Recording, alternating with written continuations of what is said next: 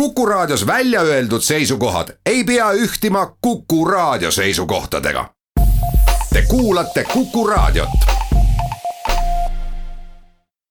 hea meel on võõrustada nüüd külalist, kelleks on siseministeeriumi kodakondsus- ja rändepoliitika osakonna juhataja Rutt Annus, tere Rutt. tere.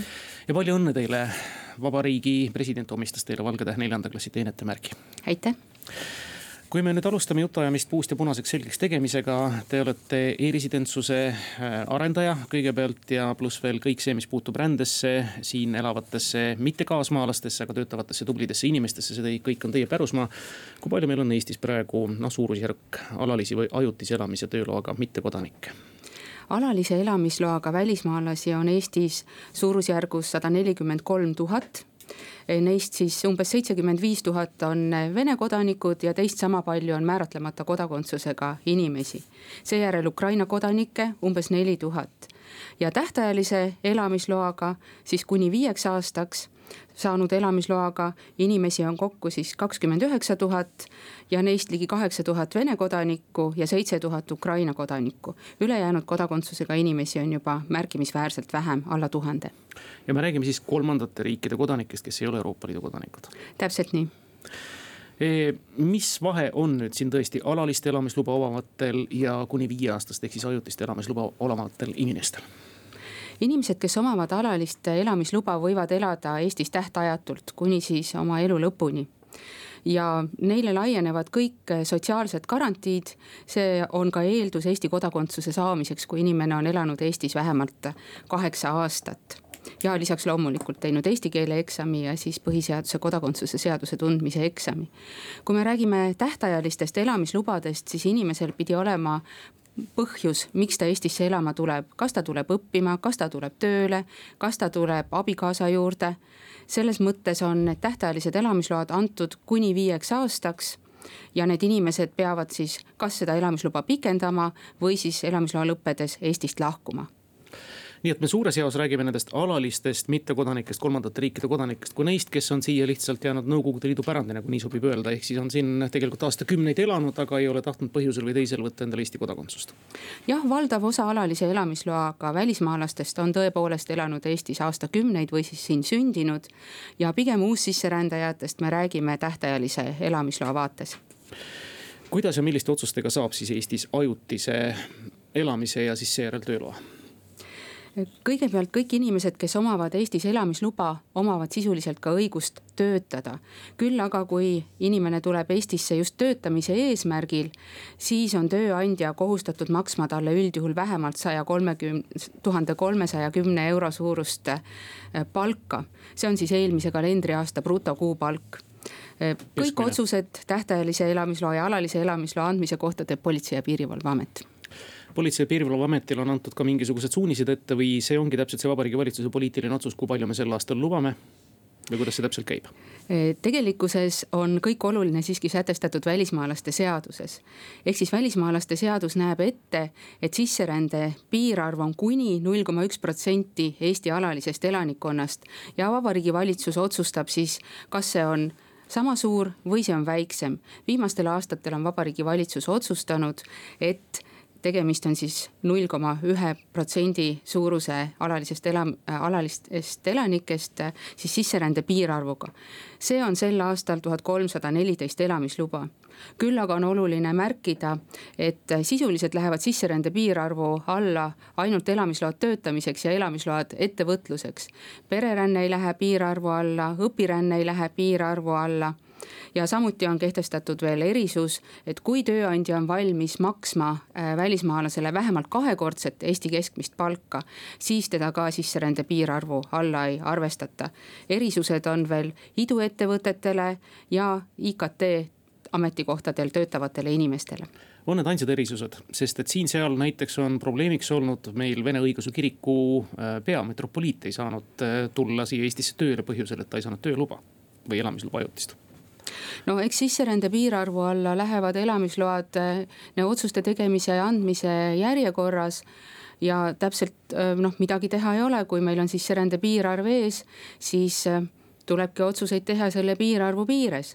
Põhimõtteliselt Vabariigi Valitsus ka arutas lahendust, kuidas jagada siis sisserände piirarv, sisserände piirarvu sees siis erinevate valdkondade vahel mm, siis erinevaid kas ametikohti või valdkondi või tööandja põhitegevusalasid. aga äh, kuivõrd selle aruteluga siiski seadusemuudatuseni ei jõutud, siis praeguse seisuga on meil täpselt sisserände piirarv tuhat kolmsada neliteist ja elamislube antakse siis otsuse tegemise järjekorras. ja kas sinna tuhande kolmesaja neljateistkümne alla mahuvad ka professionaalsed sportlased? Vabariigi valitsus pidas võimalikuks eh, siis eh, arvata, eraldada väike osa sisserände piirarvust vastavalt siis kultuuriministri ettepanekule spordivaldkonna välismaalastele eh, ja loomingulistele töötajatele. välisministri ettepanekul siis välislepingu alusel Eestisse tulevatele välismaalastele.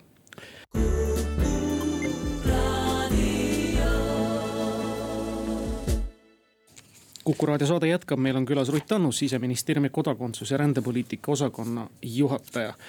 veel kord tuletame meelde, see eestimaalaste hirm, mm, mis ta kõige suurem kipub meil olema, et välismaalased kipuvad me tööd ära võtma. kuidas saab siis kolmanda riigi kodanik siia tööle tulla? Kolmanda riigi kodanik saab Eestisse tööle tulla üksnes siis, kui tal on tööandja. ja üldjuhul peab tööandja maksma siis välismaalasele vähemalt eh, siis Eesti keskmist palka, sel aastal see on siis tuhat kolmsada kümme eurot eh, tööle saab tulla kahel viisil, kas elamisloaga töötamiseks või siis lühiajalise töötamise registreerimise kaudu.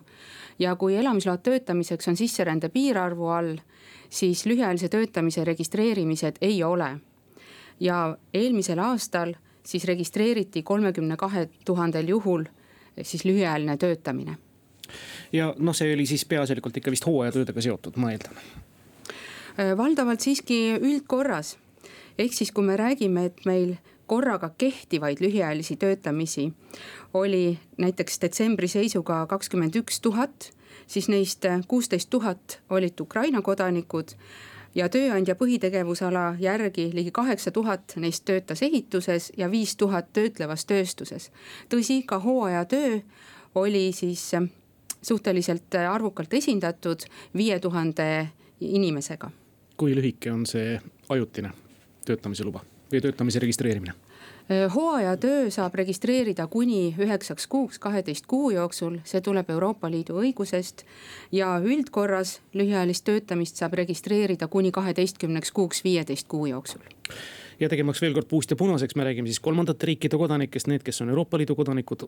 nagu põhiõigused ette näevad, on vabad liikuma, on vabad tööd tegema, kus iganes Euroopa Liidu piires nad seda soovivad ja kus neid vajatakse.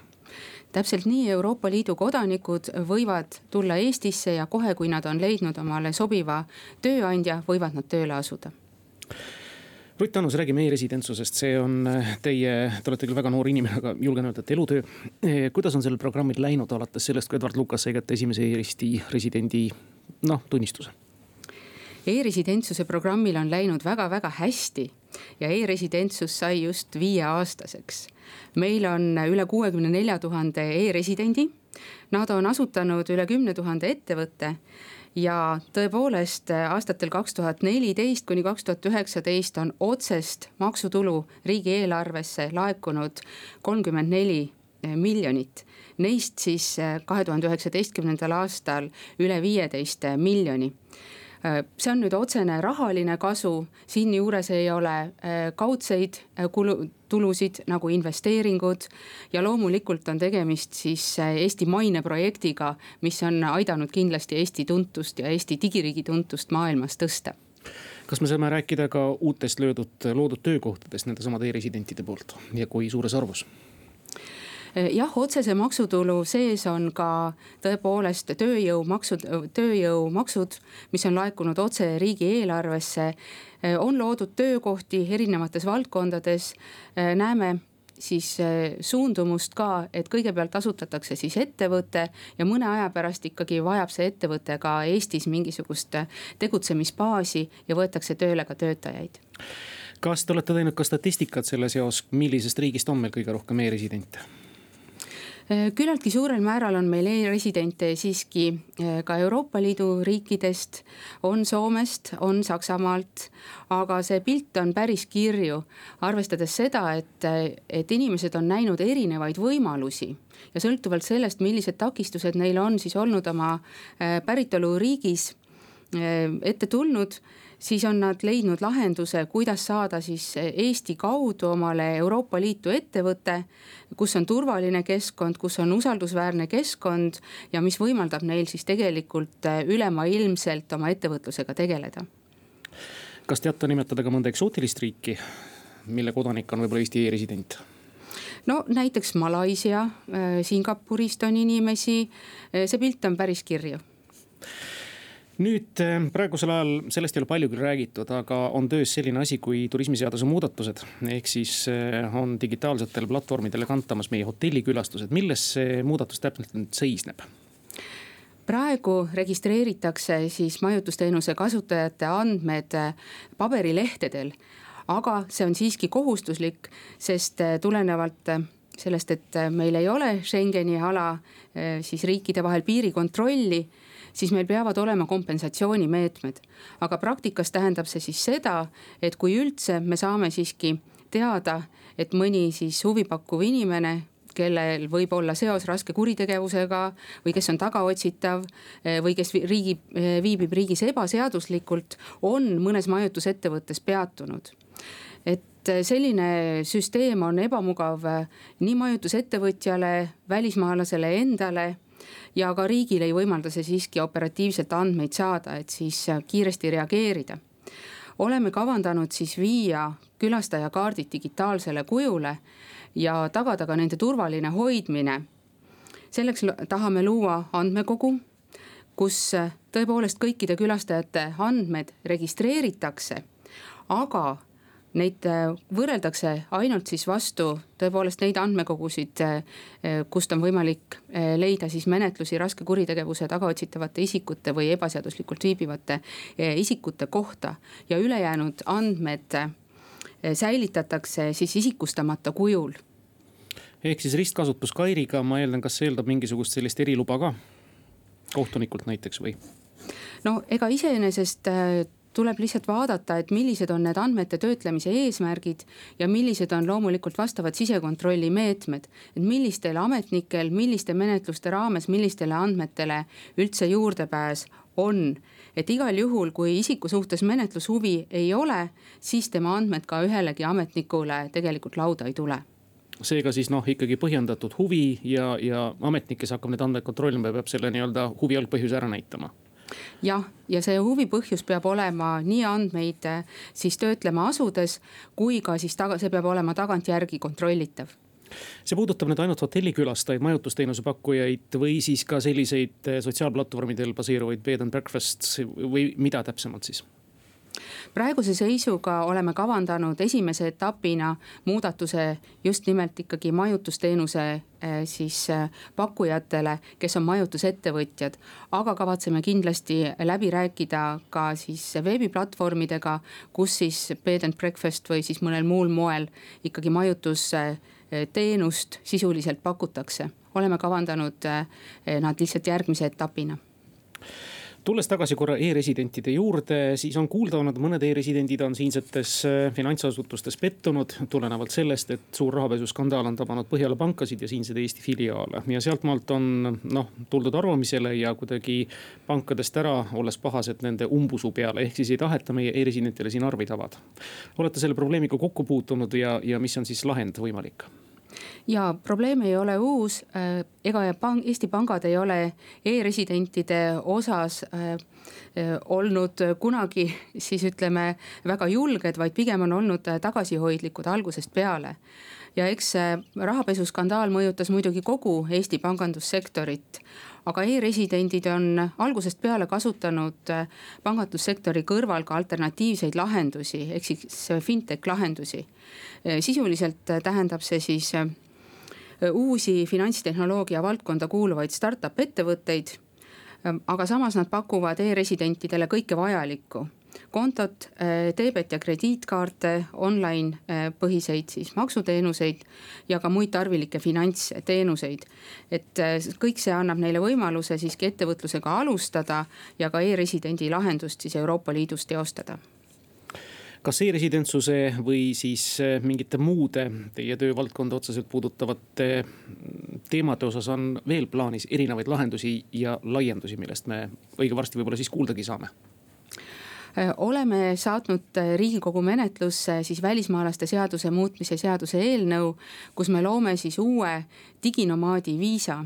et tegemist on siis viisaliigiga, kus välismaalane, kes oma olemuselt teeb kaugtööd aga tema tööandja ei asu Eestis. Eh, saaks tulla Eestisse, ta saaks siin töötada oma siis välisriigis asuva tööandja heaks ja samas viibida Eestis ka turismi eesmärgil. Eesti on eh, diginomaadide kogukonnale küllaltki atraktiivne meil on siin väga hea startup kogukond, suhteliselt hea eh, inglise keele oskusega inimesed. ja samas meeldib neile ka ütleme mõtteviis Eestist kui sellisest et need on siis sellised peamised atraktiivsed äh, siis äh, tingimused, millele me siis äh, saime vastukaja, kui me diginomaadi viisat lõime. Rutt Annus, kas teie osakonda puutuvad ka poliitpõgenikud?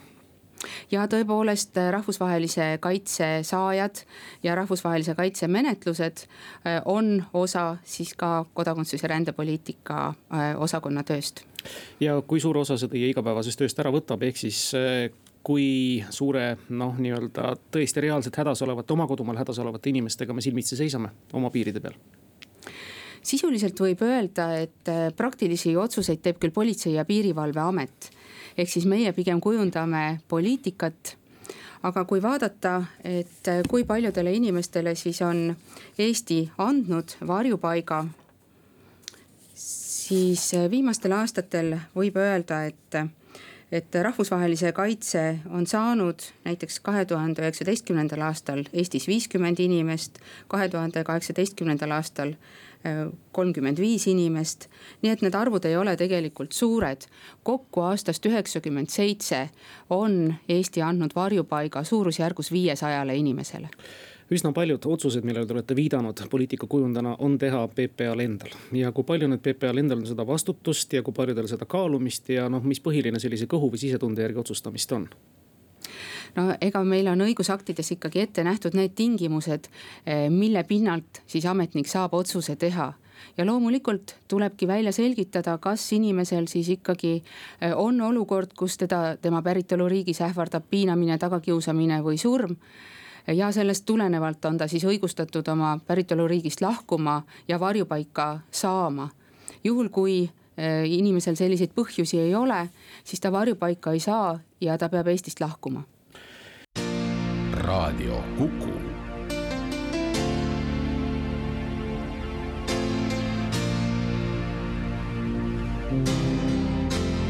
raadio mõtlevale inimesele. Te kuulate saadet saatele annab särtsu Esvika. mustmiljon elektrivärki kolmkümmend neli minutit on kell üle kolme, Kuku raadio saade ja meie Vox Populi eri, kus headel kuulajatel on võimalus saatesse sekkuda ja küsida healt külaliselt küsimusi. külas on Rutt Annus, siseministeeriumi kodakondsus- ja rändepoliitika osakonna juhataja. ja tundub, et meil telefonil kuus, kaks, üks, neli, kuus, neli, kuus ei lase ennast ka esimene helistaja kaua oodata, tervist.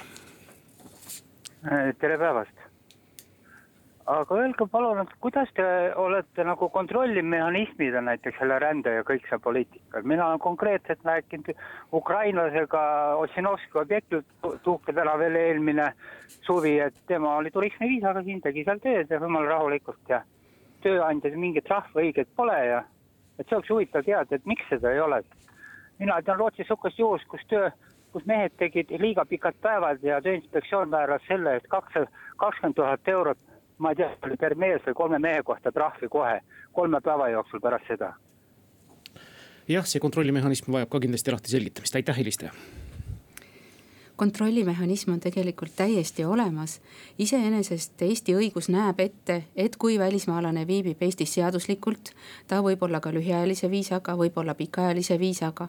ja tööandja on tema Eestis töötamise registreerinud Politsei- ja Piirivalveametis, siis see välismaalane võib ka töötada mis puudutab nüüd töötamise tingimuste rikkumist, siis tegelikult üle-eelmise aasta viieteistkümnendast juulist kümnekordistusid siis trahvid. ehk kui varasemalt tõepoolest oli maksimaalseks äh, trahvimääraks äh, siis kolm tuhat kakssada eurot, siis nüüdseks juba poolteist aastat on see kuni kolmkümmend kaks tuhat eurot iga juhtumi kohta. politsei- ja piirivalveamet teeb riskianalüüsi põhiselt äh, reide, kontrollib ehitusobjekte, muid objekte, kus võib leida siis välismaalasi töötamas. Ja loomulikult kõige paremini aitab ikkagi kogukonnasisene kontroll, ehk siis eh, skeemitamine, palgakriteeriumist kõrvale hiilimine eh, ei ole aktsepteeritav sest igal juhul reidide põhiselt ja riskianalüüsi põhiselt ja trahvidega on võimalikult inimeste, võimalik inimeste käitumist ainult teatud määral suunata kuus, kaks, üks, neli, kuus, neli, kuus on stuudios telefoninumber, kuhu ootame küsimusi, mis puudutavad tõesti sisserännet, võõrtööjõudu ja kõike muud säärast kuidas on lood nüüd äh, alalise elamisloaga ja siin ajutise elamisloa või siis selle pika viisaga tegutsevate inimeste pereliikmetega? ehk siis me saime selle vastuse küll, et inimesed, aia, ma lõpetan selle küsimuse hiljem, sest me kuulame kõigepealt helistaja ära, tervist. tere päevast, mul on selline küsimus, et äh, siin on kostunud kõlakaid, et äh, Soome migratsiooniamet äh, paigaldab oma äh, nii-öelda pagulasi odavamatele pindadele Tallinnasse kas selle üle on mingit kontrolli või on see täitsa niisugune kuulutu tasandile, aitäh. no eks jutte liigub erinevaid. fakt on see, et kui välismaalane viibib mõnes Euroopa Liidu liikmesriigis elamisloa alusel, siis on tal õigus kuni üheksakümmend päeva, saja kaheksakümne päeva jooksul viibida ka teistes Euroopa Liidu ja Schengeni riikides. küll aga ei saa ta kuidagiviisi teise liikmesriiki elama asuda, ilma et ta taotleks eh, elamisloa. ei ole võimalik saada ka siis eh, elukohta registreerida Eestis, kui elamisluba on tegelikult Soomes nii et äh, ei, ei oska öelda, äh, kust sellised andmed pärit on, eks kindlasti püütakse leida erinevaid äh, võimalusi, erinevaid skeeme aga kindlasti ei ole tegemist sellise massilise reeglite rikkumisega nii, ja nüüd ma lõpetan oma küsimuse pereliikmete osas. ehk siis see üheksakuise viisaga nii-öelda tulija siia, kas ta saab oma perekonna kaasa võtta, kas ta saab lapsed siin panna kooli ja lasteaeda? Põhimõtteliselt, kui välismaalane viibib Eestis viisa alusel, ennekõike räägime pikaajalisest viisast, siis on tal tõepoolest võimalik oma perekonnaliikmed kaasa võtta samaliigilise viisa alusel. Äh, see tähendab siis sisuliselt seda, et äh, abikaasa ja alaealised lapsed saavad küll viisa, aga nad peavad ikkagi viisa äh, lõppedes Eestist lahkuma. viisa ei anna neile võimalust elukohta registreerida, viisa ei anna neile võimalust saada perearstiteenust ja noh, tõepoolest, kui need lapsed jäävad Eestisse pikemalt, siis on neil võimalik äh, saada kohu- ja kohustus käia koolis. aga viisa puhul me eeldame, et inimesed pöörduvad tagasi oma päritoluriiki ja nad ei vaja kohalikke teenuseid. kuus, kaks, üks, neli, kuus, neli, kuus, telefon on helisenud, tervist. tere päevast, Aivar siin. mul on niisugune küsimus ühesõnaga, no vaata, ukrainlased käivad siin Eestis tööl, eks ole. Nende palk on äh, tuhat kolmsada kümme eurot, eks ole ju. jah nii, aga äh, ma olin äh, siin Tartu lähedal olin äh,, ukrainlased tegid Maximas öösel ja ütlesid, et saavad topelttasu, et ühesõnaga nemad tegid kümme tundi tööd, eks ole. said seal sada kakskümmend eurot, mina turvasin neid öö läbi, on ju, saan ainult nelikümmend kaheksa eurot, no kas see on loogiline või? see on nüüd küsimus tööandjale, aga tuhat kolmsada kümme on miinimum ja tõepoolest, ega selle palgakriteeriumi mõte, mis on välismaalastele kehtestatud, ongi suunata eh, tööandja eelistama ikkagi Eestis juba olemasolevat tööjõudu ehk mõte on see, et kui tööandja vähegi leiab Eestist inimese, kes on valmis tööd tegema, siis ta eelistaks ikkagi Eesti kohalikku tööjõudu. on see siis Eesti kodanik, on see Eestis juba alaliselt elav välismaalane. ja skeem, et kuidas tööandjal on võimalik välistööjõudu tuua Eestisse, peab olema ja ongi üles ehitatud selliselt, et ta peab maksma vähemalt siis kalendrikuu keskmist brutopalka tuhat kolmsada kümme eurot. kui tööandja tervemõistuslikult leiab odavamalt omale tööjõu Eestist, siis ta ka seda eelistab. nii et Aivar, soovitus teile, öelge nüüd sellele tööandjale, et te teete ise ukrainlaste eest sama raha eest töö ära. kuus, kaks, üks, neli, kuus, neli, kuus, me võtame liinile järgmise helistaja, tervist. tervist, mina elan Mustamäel, siin magistraali kandis, siin on tohutult neid noh, nagu öeldakse, põgenikke. ja oli üks India perekond ja ma küsisin mehe käest, India mehe käest, kas te tööl käite, ta ütles, et ei käi. ja ma olen kuulnud, et nendele põgenikele annab riik kuus tuhat midagi noh elamiseks. kas see on tõsi? Ma arvan, et valdav osa nendest inimestest, kes tõepoolest Mustamäel elavad, ei ole mitte põgenikud, vaid tegemist on peamiselt õppimise eesmärgil Eestis elamisloa saanud eh, inimestega. loomulikult eh, inimesed, kellega teie võib-olla rääkisite, kuuluvad siis mõnel teisel alusel elamisloa saanud isikute hulka mis puudutab nüüd eh, siis tõepoolest varjupaiga saanud inimesi, siis neile antakse sisseelamise toetust, aga see on ajutine ja selle mõte on üksnes see, et nad saaksid kõigepealt siin sisse elada, seejärel leiaksid omale töö ja ka vajaks siis Eestis sotsiaalabi kuus, kaks, üks, neli, kuus, neli, kuus on stuudios telefon, kuhu ootame siis kõnesid, ega me tudengitest ei rääkinudki. kas need mahuvad ka sinna tuhande kolmesaja kümne isiku alla või tuhande kolmesaja neljateistkümne isiku alla? ei, õpiränne on täiesti piirarvu alt väljas ja õpiränne on meil tõepoolest suhteliselt suurearvuline, näiteks äh, kaks tuhat üheksateistkümnendal aastal oli tuhat kolmsada kolmkümmend esmast elamisluba õppimiseks, kaks tuhat kaheksateist äh, tuhat kakssada kuuskümmend seitse elamisluba õppimiseks ja see arv on aasta-aastalt kasvanud. ja meil on nüüd helistaja liinil, tervist. vabandust, ma helistan veel korra aga kui mina näiteks tean sihukest juhust ka, kus äh, siin, siia tulnud ukrainlane ise muutus tööandjaks.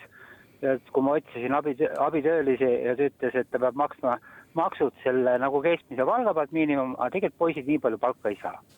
et kuidas see kontroll, et kas on see neil mingi kohustus, et nagu Põhjamaades need palk makstakse ainult arvele, et sularahas palka maksta ei tohi et see on niisugune hämar nüüd piir, kus on need mehed ütlevad, et saavad, aga reaalselt ei saa. Ja sellepärast ma sain selle lihtsalt info, sest mul hea tuttav lihtsalt see tööandjat tundis pikka aega, kes siin Eestis need ukrainlased on töötanud juba. vot see, see on ju niisugune noh, täielik nagu öeldakse, miks väidetavalt nad saavad nii palju palka, nagu oli siin üle-eelmine helistaja, tegelikult nad ei saa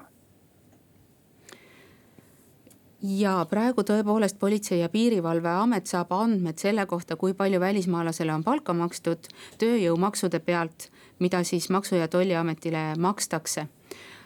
Oleme kavandanud erinevaid meetmeid ja välja töötamas erinevaid lahendusi ka selleks, et tõesti kontrollida, kui palju see välismaalane siis tegelikult palka saab ja kuidas ikkagi võimalikult äh, suurel määral muuta skeemitamine, palgakriteeriumist möödahiilimine ebamugavaks ja, ja võimalikult raskeks. Samamoodi, kui me avastame ikkagi, et tegelikkuses ei ole välismaalasele sellisel kujul palka makstud, nagu seadus ette näeb, siis lõppkokkuvõttes on võimalik ka Politsei- ja Piirivalveametil äh, määratleda see tööandja kui ebausaldusväärne ja sellisel juhul ta tulevikus üldse Äh, mõne aja jooksul, näiteks aasta jooksul ei saa välistööjõudu tuua. ehk siis loomulikult äh, ei ole seadustega võimalik kõiki probleeme ära lahendada, aga seadustega saab muuta siiski nendest möödahiilimise võimalikult ebamugavaks. ja me kuulame järgmist helistajat ja küsijat, tervist. Tere, tahtsin küsida, et kui kaua on siis ajutine sisseelamise toetus? Äh, ma nüüd äh, hetkel ei oska seda peast öelda, aga mõte on selles, et aidatakse esmase korteri üüriga ja samamoodi teenuste pakkumisega. ja telefonil kuus, kaks, üks, neli, kuus, neli, kuus on järjekordne helistaja ja küsija, tervist. halloo, ja. ja minul selline küsimus, tervist, et kas on ka mingi avalik register selline, millega tava Eesti kodanik ka tutvuda saab nendest firmadest, kes nii-öelda firmade loetelu, kes siis kasutavad seda võõrtööjõudu või sisse toovad, aitäh! Ei, selline teave ei ole tegelikult avalik, äriregistris on registreeritud küll kõik Eestis tegutsevad ettevõtted. aga see, milliseid töötajaid nad oma ettevõtluses kasutavad, et sellist informatsiooni ei ole küll avalikult saadaval kuus, kaks, üks, neli, kuus, neli, kuus, telefon on taas vaba. siin äh, eelmises enne reklaampausi küsiti ka sõjapõgenike toetuste kohta, kui palju meil arvuliselt on täna teadaolevalt Eestimaa pinnal viibivaid äh, neid inimesi, kes on kriisikoldes siin saanud toetust ja varjupaika? no kokku on saanud äh, varjupaiga Eestis suurusjärgus viissada inimest alates siis üheksakümne seitsmendast aastast. Ja me ei pea eraldi arvestust selle üle, kui palju neist reaalselt Eestis viibib või hetkel Eestis ei viibi samamoodi nagu me ka Eesti kodanike ja Eesti elanike üle sellisel kujul arvestust ei pea. inimesed, kellel on Eestis elamisluba, neil on õigus viibida Schengeni alal samamoodi üheksakümmend päeva saja kaheksakümne päeva jooksul aga nende üle vahepeal ikkagi statistikat tuli, et need, kes üheksakümmend päeva ületasid, et noh, neid tuleb kas nüüd uuesti taotlema hakata, ühesõnaga, kes on Eestist lahkunud, et see arvestus on teil endiselt olemas me ei pea tegelikult sellisel kujul arvestust enam ka ümberasustatud ja ümberpaigutatud inimeste suhtes. me võime küll öelda, et jah, suurusjärgus pisut üle kahesaja inimese Eestisse ümberasustamise ja ümberpaigutamise raames vastu võeti ja neist pooled olid vahepeal Eestist lahkunud osa on neist ka Eestisse tagasi pöördunud, seega inimesed tõepoolest liiguvad, aga õigus neil olla Schengeni alal on ikkagi kuni üheksakümmend päeva saja kaheksakümne päeva jooksul. ja kuulame järgmist helistajat ja küsijat, tervist.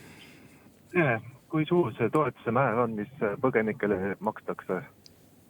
aitäh ma ei oska seda määra hetkel öelda, aga selle mõte on see, et aidatakse esmase korteri üüriga ja siis teenustega kuus, kaks, üks, neli, kuus, neli, kuus, telefon on taas vaba.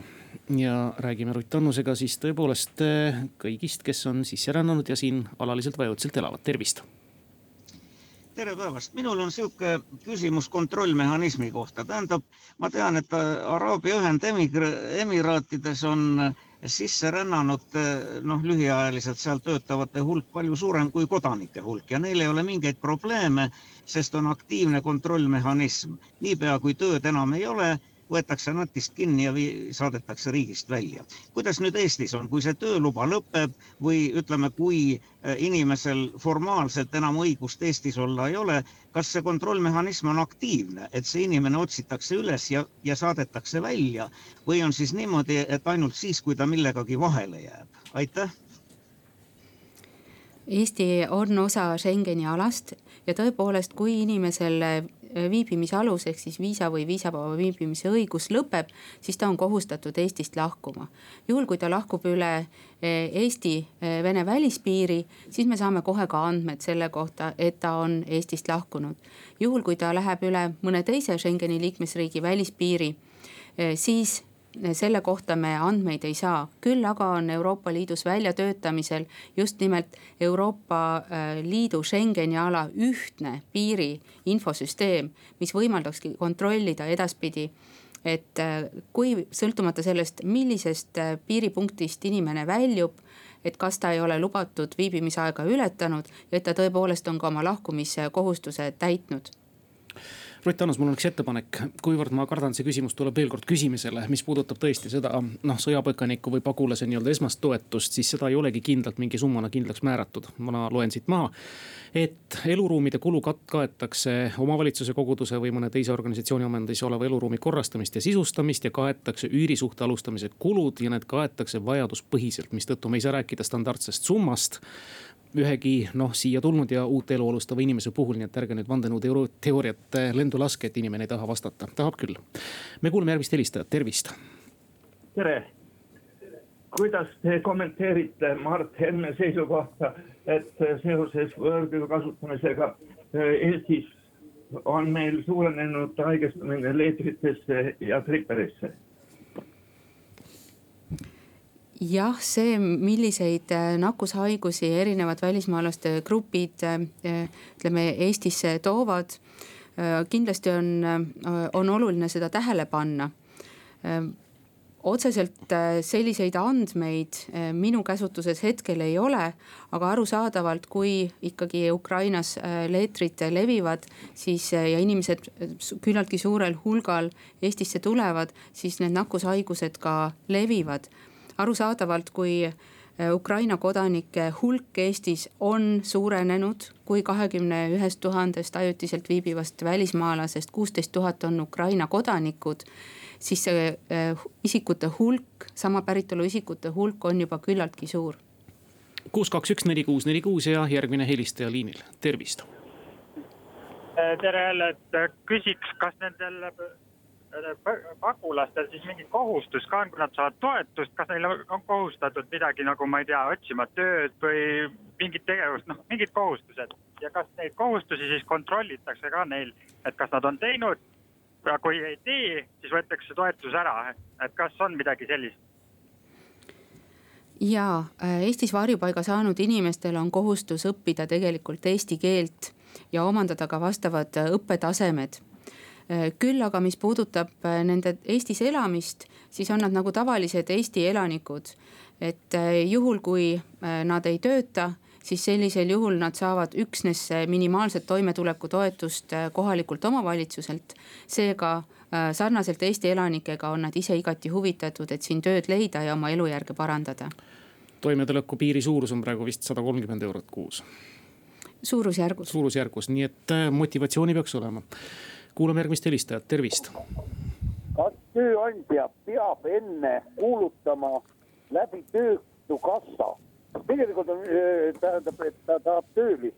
ühe väite järgi üldse ei tohiks inimest tänavalt või tutvuse kaudu võtta, vaid kõik, kõik noh, ütleme omavalitsuste ja riigi töökohad peavadki vist olema üldiselt läbi töötukassa. aga kas nüüd, kui inimene tahab tuua sisse, firma tahab tuua võõrtoolisi, kas ta peaks enne kuulutama teatud aja Eesti Töötukassa kaudu? mis puudutab nüüd elamislube töötamiseks, siis äh, tõepoolest äh, tööandja peab kõigepealt otsima omale tööjõudu siis Eesti Töötukassa kaudu. ja kui Eesti Töötukassa annab nõusoleku, et seda konkreetset ametikohta ei ole võimalik täita Eesti tööjõuturul oleva inimesega, siis tööandja ka selle loa saab töökoha täitmiseks välismaalasega aga sellist reeglit ei ole lühiajalise töötamise korral. ehk siis lühiajalise töötamise korral tegelikult ei ole kohustatud tööandja eelistama kohalikku tööjõudu. ja esimene eeldus on, et äh, tõepoolest äh, palgakriteerium vähemalt siis tuhat kolmsada kümme eurot ehk siis äh, Eesti keskmine brutokuupalk eelmisel aastal on piisav, et suunata tööandjat eelistama siis kas kohalikku tööjõudu või tõepoolest siis välismaalast sellistel tingimustel tööle võtma ehk siis, kui on kibekiire viljakoristamise aeg käes ja ei leita oma külast või lähimast väikelinnast ka poe juurest tuhande kolmesaja kümne euroga näiteks tegijaid, siis tal on see täiesti õigus olemas, kogu lugu. me kuulame järgmist helistajat, ilmselt ka selle saatetunni viimast, tervist. tervist tahtsin küsida, et noh, kui suur see summa on olnud, mis on see esialgne sisseelamise toetus? ma ei oska seda summat selliselt äh, öelda äh, küll aga äh, nagu saime teada saate jooksul, tegemist on vajaduspõhise toetusega, kus kaetakse siis esmased siis korteri üürimise kulud. samuti pakutakse kohalikus omavalitsuses, omavalitsuses inimestele teenuseid ehk siis võtame sellise keskmise, noh, ma ei tea, mis nende põgenike, sõltuvalt perekonna suurusest, ütleme neljatoalise korteri üür, tavaliselt kesklinna seda ei anta, selle saab kuskil Mustamäel, Lasnamäel no ma ütlen pea järgi, umbes nelisada, tavaliselt küsitakse kolm korda seda, tuhat kakssada, ma arvan, et kuskil paari tuhande euro ringis. tundub tõenäoline. tundub tõenäoline aitäh kõigile helistajatele ja aitäh, Ruth Annus, teile nendele küsimustele vastamast. lõpetuseks tahaks küsida, kuidas nüüd teie osakond oma poliitikat kujundab vastavalt ette antud suunistele, nii nagu on olnud rahva poliitiline tahe ja nii nagu on minister ametisse tulnud? ja ega siis äh, ametnikud äh, lähtuvad ikkagi poliitilisest tahtest ja koalitsioonilepe on aluseks äh, siis ikkagi poliitika kujundamisele, seadusi teevad meil riigikogu liikmed vastavalt valitsuskoalitsiooni ühtsele kokkuleppele aitäh teile, Rutt Annus, edu, jõudu tööle. aitäh